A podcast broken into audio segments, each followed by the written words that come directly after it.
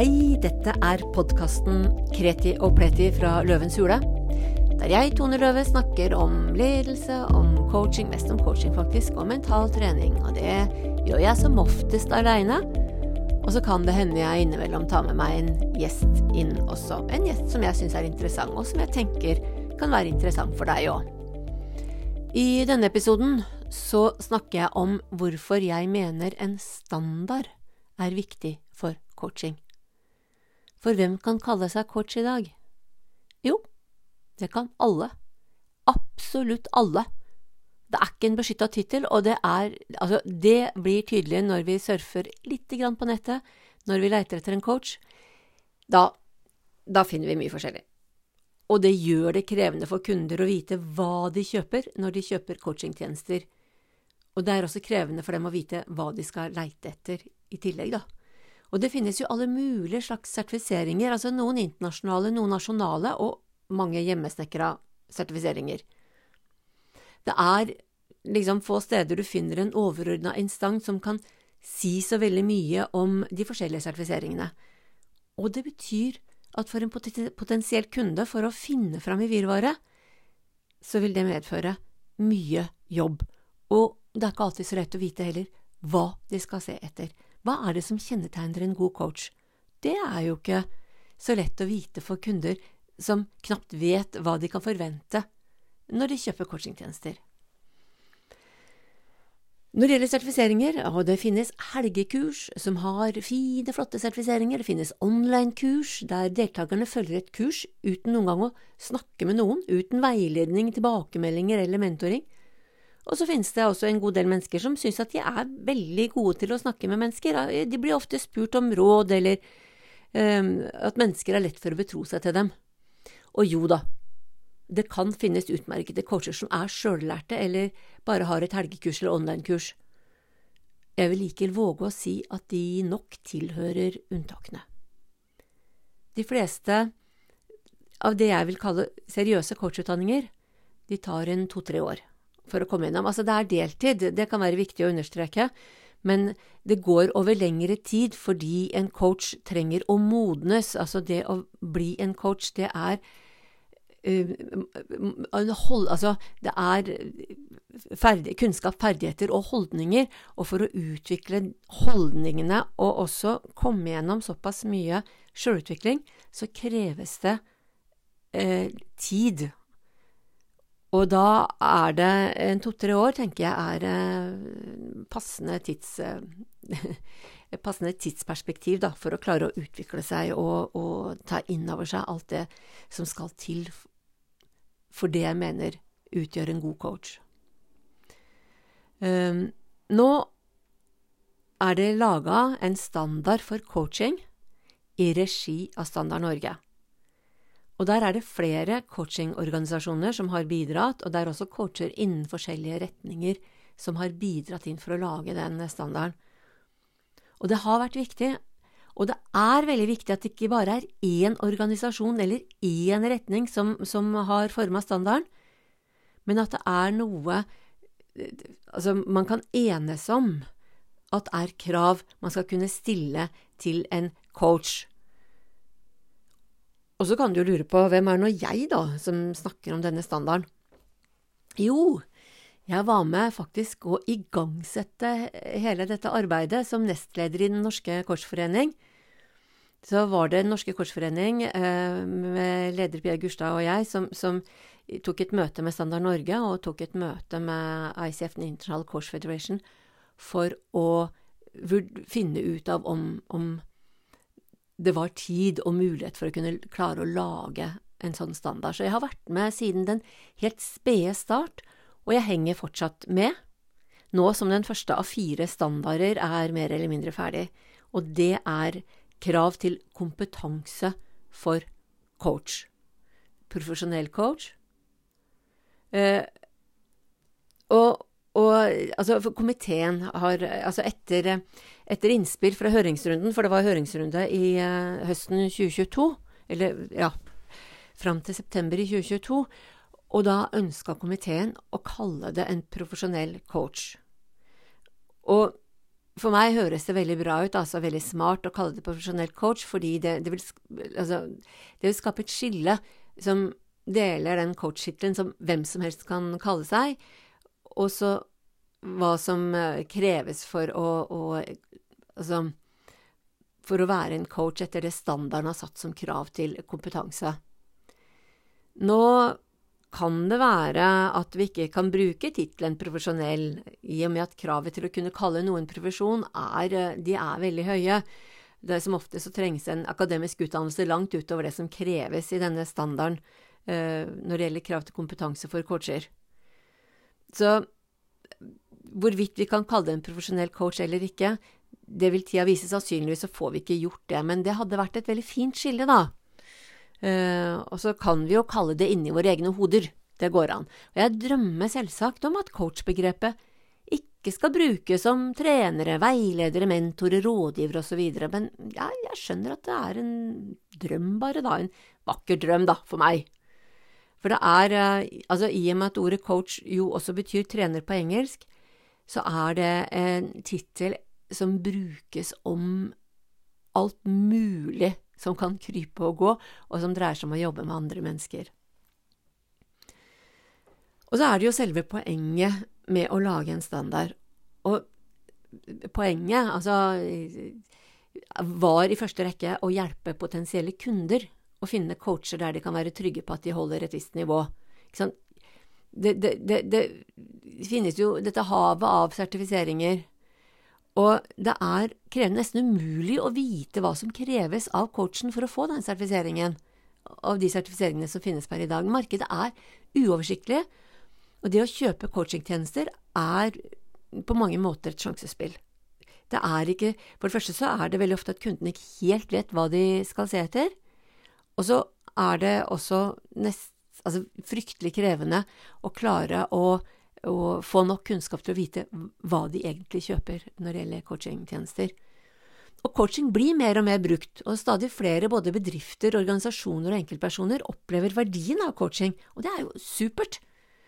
Og så er det jo også sånn at coaching er dyrt, eller sagt med andre ord, um, mer presist at coaching koster mange penger.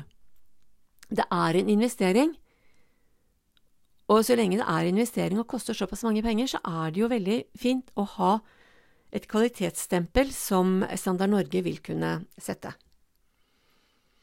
Og så er det jo i det arbeidet Hva er det som har vært viktig for oss, da, i denne komiteen som har jobba nå i tre år for å komme fram? Eh, så hva, hva, hva, har vært viktig for oss? Og vi har tatt utgangspunkt da, i de forskjellige standardene som allerede finnes, både norske og internasjonale, altså, og av alle disse som har vært med i komiteen, så har vi funnet fram til hva de har felles, og så jobba fram det vi kan være enige om. Og det dreier seg om grunnleggende kompetanse for en coach. Og selv om det er liksom grunnleggende kompetanse, så har komiteen valgt å legge seg på et relativt høyt nivå, med tanke på å skulle bygge ordentlig seriøsitet for coaching, da.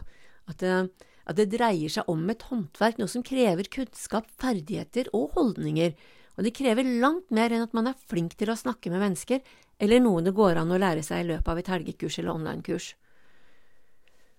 Og komiteen har definert de grunnleggende kompetansekravene der eh, overskriftene er at de skal ha kompetanse til å utforme og gjennomføre et coachingforløp. Nå kommer det litt mer hva coachingforløp er seinere, altså. At de skal kunne kjenne og gjenkjenne grensene mellom coaching og andre prosesser, eksempelvis altså rådgivning, terapi, veiledning og mentoring. For coaching er, er ikke det samme som rådgivning eller mentoring eller veiledning, og er ikke terapi. Det er det så viktig å være klar over. Altså, psykologer og psykiatere har mange års utdanning, og det er ikke dem vi konkurrerer med. Altså, jeg har stor respekt for de yrkesgruppene, psykolog og psykiater, og jeg tenker om vi ønsker respekt fra dem, og det ønsker jo jeg. Eh, så er det også smart å anerkjenne at det er de som har greie på sykdommer, og best kan håndtere og hjelpe de som faktisk er syke. Coaching, tenker jeg, det er å støtte friske mennesker. Altså i den grad vi jobber med, med syke mennesker, så, så, tenker jeg eh, Jeg vil jo ikke si nei til et menneske, altså det selvfølgelig varierer litt, men det å jobbe med mennesker som har en diagnose, ja, vi kan som coach hjelpe dem å forholde seg til diagnosen, men det må være en lege, en psykiater, som har ansvaret for behandling av mennesket. Og så kan vi bidra med det vi kan, og det er å hjelpe dem og støtte dem i hvordan forholde seg til eh, det å være syk. Og er de for syke uten annen hjelp, så er det utrolig skummelt å skulle Altså, da skal en coach ikke ta i disse menneskene. Da, da må vi bare si at her trenger du profesjonell hjelp, og det må du uh, gå og skaffe deg før du kan liksom få coaching. Så det, det, det er utrolig viktig, disse skillene her, da. Uh, og dette igjen, uh, som komiteen har, og, og, også i høringsrundene og innspillene vi har fått, så har det nettopp vært denne viktigheten av å skille og være tydelig på at coaching ikke er terapi. Og så har komiteen videre delt den grunnleggende kompetansen inn i seks områder. Det ene er snakk om eh, relasjon, altså man skal ha kompetanse innenfor eh, relasjoner. Kommunikasjon er jo utrolig viktig. Selvinnsikt, morsomt nok, eh, kan du tenke, men naturlig. Jeg kommer til å forklare det litt seinere. Vi mener at det må være litt grunnleggende psykologi som ligger i utdanningen. Og så bør de kjenne til at det finnes noen lover og regler, altså et juridisk kompetanse på det. Og så er det etikken som er utrolig viktig. Og i tillegg til dette så har de fleste coachingskoler har en eller annen retning som de følger. Jeg er utdanna innenfor NLP, altså nevrolingvistisk programmering, og andre har andre retninger som de er utdanna innenfor. Og det er en del av kompetansen, men den er forskjellig, så vi har liksom retning som, som også en av de grunnleggende kompetansene, men den vil være forskjellig veldig forskjellig fra, fra skole til skole. Coach til coach. Og så er det um, viktig her, altså som uh, det ble påpekt i høringsrunden også, er at uh, denne standarden er generell. ikke sant?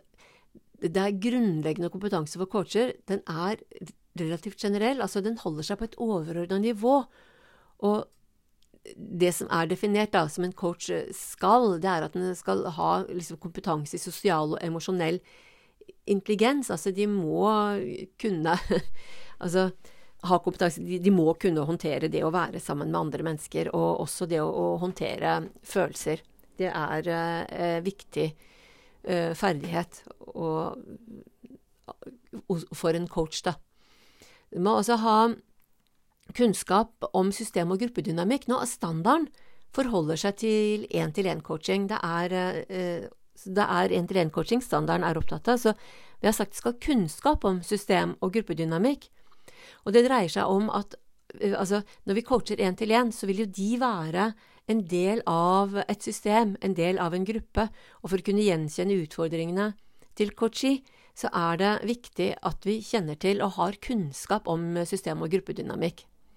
Eh, for å skulle ha, drive med, med, gruppecoaching, så må du ha kunnskap, altså kompetanse innenfor også. Men i denne standarden så har vi bare sagt at du skal ha kunnskap om, da. Og så er det noe med å, å skape, vedlikeholde og utvikle eh, relasjonen, da. Og, og, det er jo veldig selvsagt det å klare å skape en god relasjon, og det å, å både vedlikeholde den og også utvikle den, fordi dere skal komme dypere og dypere inn i, i uh, hva Altså sånn at coachee skal kunne klare å finne løsninger for å um, håndtere blokkeringer og fjerne hindringer og begrensende troer og overbevisninger, og da er det viktig å ha å kunne utvikle relasjonen, da. Så det er det vi snakker om relasjonskompetanse, som sagt på et veldig overordna eh, nivå, da.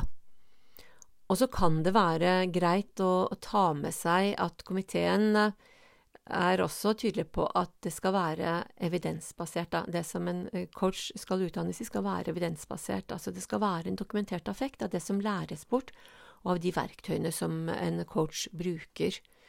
Og evidensbasert kan jo være altså forskningsbasert, og det kan også være erfaringsbasert.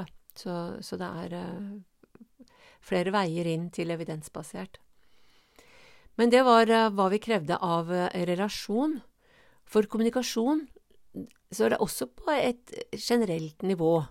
Du skal ha kompetanse som skaper trygge rammer. For noe av det grunnleggende i coaching skal vi klare å skape den gode relasjonen og skape rom for, for utvikling, så er vi nødt til å ha trygge rammer. Uten det vil det bli veldig liten effekt av coachingen. Og for oss coacher, vi vet jo at det er en ferdighet, det å skape disse trygge rammene. Det er jo eh, et verktøy som vi har for nettopp å, å, å, skape trygge rammer. Og det er det viktig å kunne, og viktig å klare å håndtere.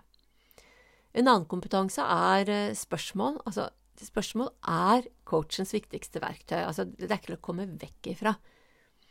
Eh, og standarden stiller krav til at de skal være relevante, effektive, åpne og utforskende.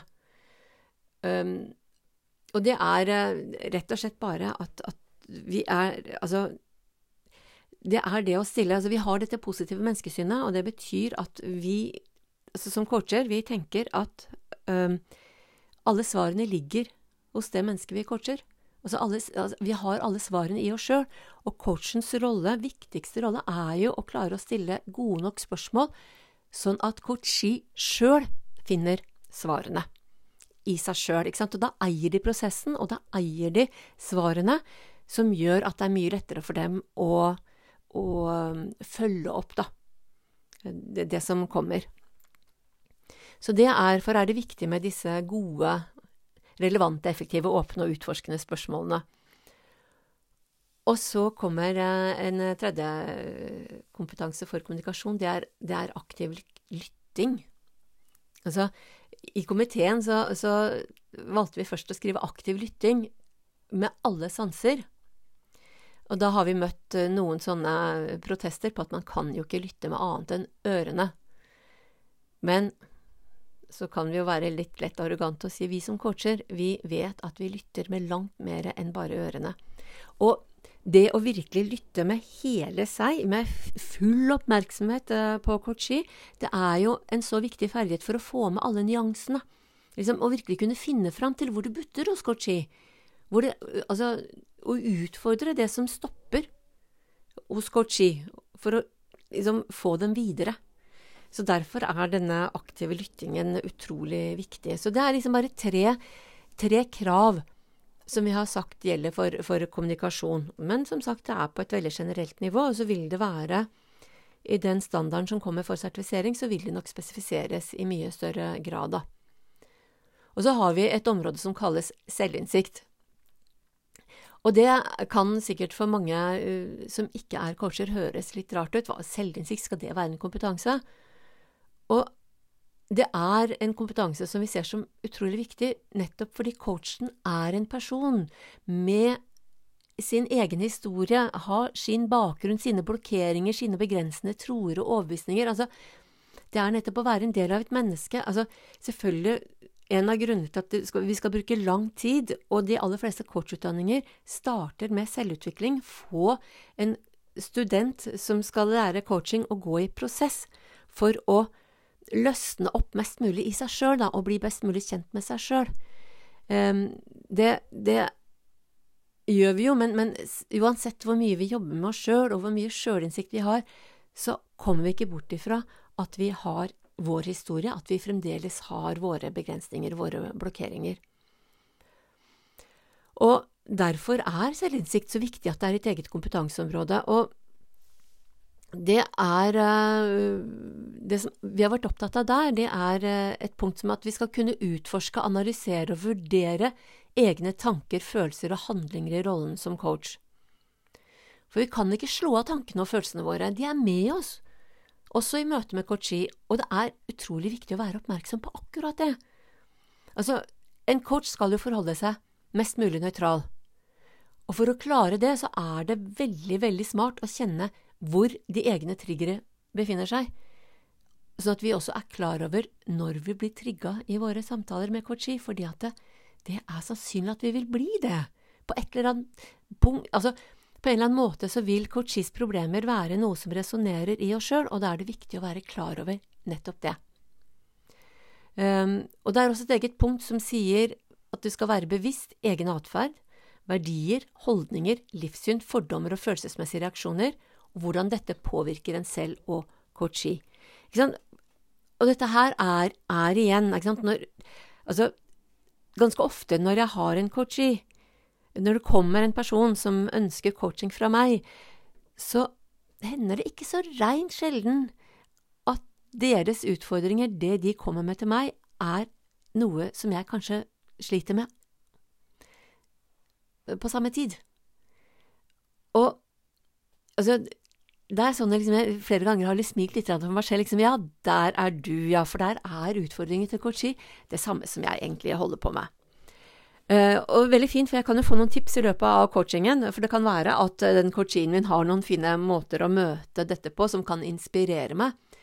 Men det er utrolig viktig at coachen da er klar over uh, hva som er egne verdier, altså, og, og, at også det vi har med oss, påvirker både oss sjøl, og også påvirker Kochi, fordi at vi, vi er jo ikke noe tabula rasa, vi er ikke noen blanke ark. Så alt det Altså, det er jo et samspill. Så alt det vi bringer med oss, det påvirker også Kochi. Og derfor er det også et punkt som er tydelig på at vi skal være i stand til å skille mellom egen og Kochis opplevelse. Ikke sant? Og, og, det er jo nettopp dette med at ok, dette er min historie, mine greier, og det kan være så lett å tenke at at, eh, altså at Kochi blir et speil av, blir et speil av hverandre. Og at det som du tenker er dine problemer og dine greier, kan være også Kochi sine løsninger. Det blir helt feil. Fordi du nettopp skal anse Kochi som den egne individuelle eh, personen som har sin egen helt personlige historie. Den, de problemene som kan være de samme som du sliter med som coach, kan komme av noe helt andre ting, og det kan være noen helt andre løsninger som kreves enn de som du har erfart fungerer for deg, og også for andre coacher, eller andre coachier. Så det er masse ting å passe på. Det er derfor vi er litt opptatt av at vi skal ha mye trening, da. Og så er det jo dette med, med uh, grensen mellom coaching og terapi kommer igjen på, på selvinnsikt. Altså at det er viktig om vi oppdager at uh, det coachi holder på med, at det er psykolog eller psykiatermat, så er det viktig at vi er åpne om det og anbefaler behandling hos rett profesjon, rett og slett, når vi møter coachier som, som vi da ser at egentlig trenger terapi, og ikke coaching. Så kan de komme tilbake og få coaching når de er klare for det. Så det var om selvinnsikt. Og så er det jo noe av standarden sier litt om, om, om, psykologi, da. Altså, nå har det jo Det var jo veldig mange eh, profesjoner og retninger og ting og tang som, eh, som har påvirka coachingen. Og vi kunne ha sagt noe om veldig mange av det, men vi landa på at eh, psykologi er vel noe av det som Altså, som coachingen bygger mest på. Um, og mange av de, det som var funnet innenfor andre retninger, finner man også innenfor psykologien. Men det som er viktig, da, det er at en coach skal lære noe om hvordan vi opplever verden gjennom sansing og persepsjon, altså hvordan vi oppfatter og, og øh, tolker det, våre erfaringer, altså hva vi opplever i verden. Og at vi må også ha noen kunnskap om, om øh, liksom, følelser, emosjoner, hva som motiverer oss, hva som er liksom hvordan mennesket blir motivert, da. Vi bør også vite litt om hjernen og nervesystemets oppbygging og funksjon, altså hvordan, rett og slett hvordan hjernen fungerer. Og det er veldig spennende med alt det som foregår av eh, forskning på det i dag. Det er jo så mye, og det er så spennende. Og så er det jo litt sånn forskjellige ting om kognitiv utvikling, om atferdsteorier, sosial identitet, personlighet, eh, stress og, og mestring og, og sånne ting. Det er også sånne ting vi finner innenfor psykologien som også er viktige for en coach å kunne noe om. Det er tatt med litt jus. Uh, altså at man, man, skal ha kjennskap til hvilke lover som gjelder, og, og, og man ikke Altså, så diskuterte de om de skulle ha kompetanse eller kunnskap. Altså de må kjenne til det, og så kan det jo være at de eh, setter det bort til noen andre og, og kunne om det. Så vi krevde ikke at de skulle ha kompetanse om det, da. Etikk er jo utrolig viktig. Og her har komiteen jobba seg fram Det var veldig mye etikk først, og så er det liksom skalert en del ned, da. Men den etikken som er med, det dreier seg i all vesentlighet om, om konfidensialitet. Altså det at du, du, Alt det som en um, coachee deler med deg, det forblir inne i rommet. Dersom du skal bruke noe eller snakke med noen om coachi, så må du ha dens um, samtykke på forhånd. Helst skriftlig samtykke på forhånd. Så at konfidensialitet er uh, utrolig viktig. Og så er det viktig at en coach kan beskrive uh, sin kompetanse og være presis i, i hva, er det, hva er det en coach kan hjelpe til med, og hva kan den ikke, ikke sant? Det er noe med disse grenseoppdragningene. Og etikken sier også noe om at coachen til enhver tid skal ivareta coachees interesser. Ikke sant? Det er noe med at det er altså, i en coaching session så dreier jo liksom alt seg om coachee, og hvordan øh, bidra til at de kan få mest mulig ut av coachingen, da. Så det å ivareta coachees interesser er utrolig viktig. Og så hender det at det er uh, rollekonflikter.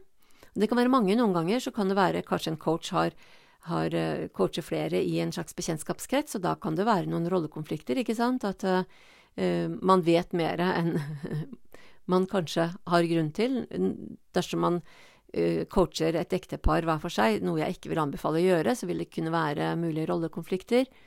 Dersom det er coaching, at det er en bedrift som betaler for coaching uh, for en, en, uh, en, av de ansatte der, så kan det være en altså, kan det være en mulig rollekonflikt hvis da ledelsen ønsker å vite hva Kochi sine problemer er. Og det, da er lojaliteten og konfidensialiteten vil alltid være hos Kochi. Den som betaler, har ikke rett til å få vite noe som helst. Og så er det litt om å ikke inngå romantiske forhold til coachi, og det har vi også valgt å ta med. Altså, det er ikke det samme som psykolog og en del helsepersonell, men samtidig så er det et det, vi, det skal jo være et likeverdig forhold mellom coach og coachi, men samtidig så vil en coach være en person som er Altså, katalysator er kanskje litt voldsomt å si, men altså vil hjelpe og støtte coachi i en sårbar situasjon. Og da kan det være lett for en, en coachee å bli litt forelska i coachen sin. Og da er det viktig at uh, coachen vet det, og unngår romantiske forhold. Vi har satt en karantenetid på seks måneder også, at uh, man ikke skal inngå i en romantisk forhold i seks måneder etter avslutta coachingforløp også. Og så er det snakk om å kjenne faglige begrensninger, rett og slett. At det er en del av eh, etikken.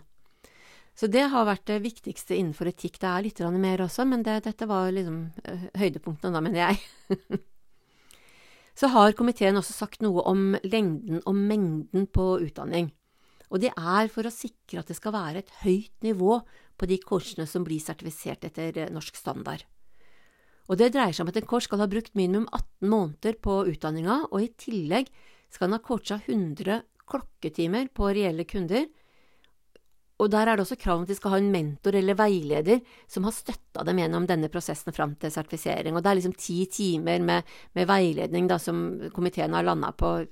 Jeg er vant til å bruke begrepet mentoring, men uh, det ble veiledning som ble det begrepet komiteen kunne enes om.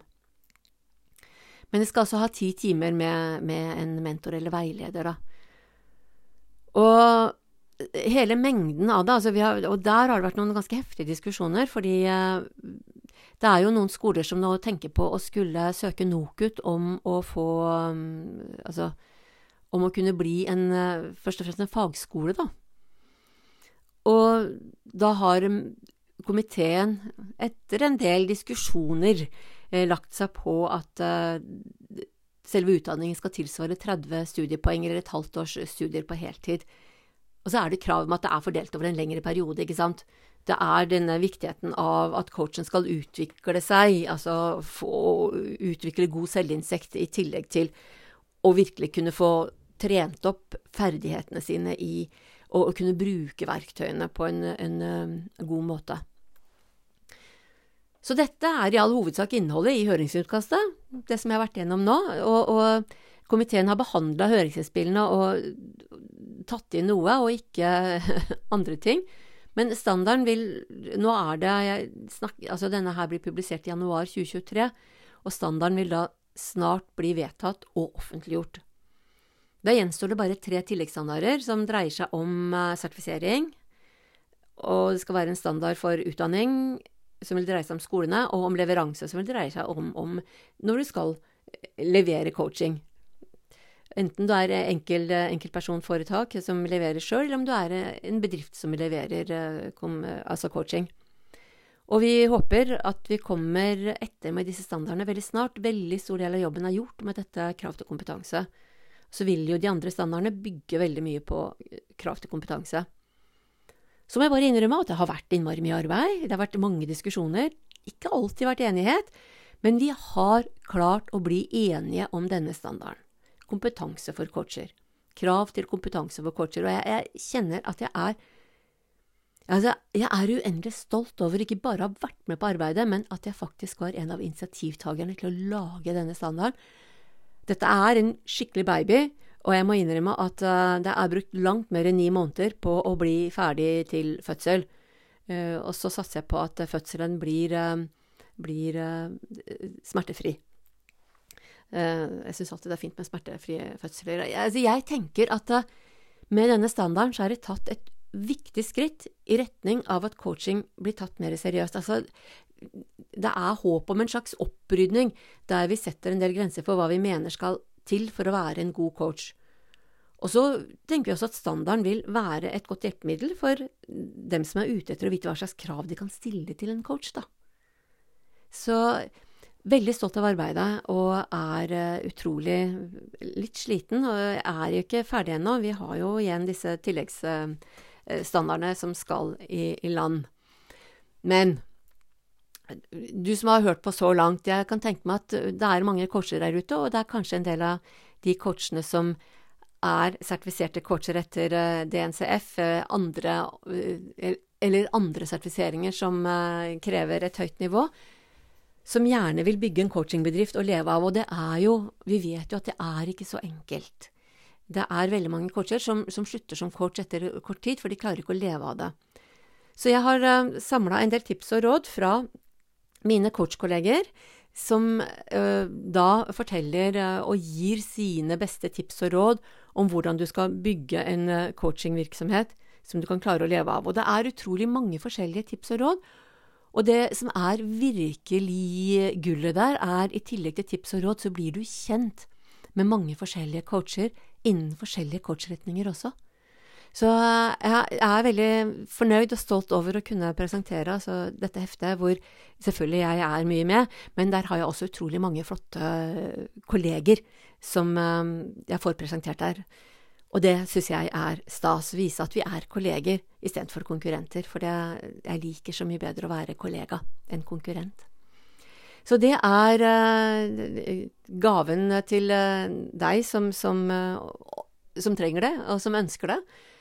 Og så er jeg også litt nysgjerrig på hva Altså, nå har jeg vært veldig opptatt av at denne standarden er utrolig viktig, jeg er veldig stolt av den og alt dette her. Og så tenker jeg, hva, hva tenker du?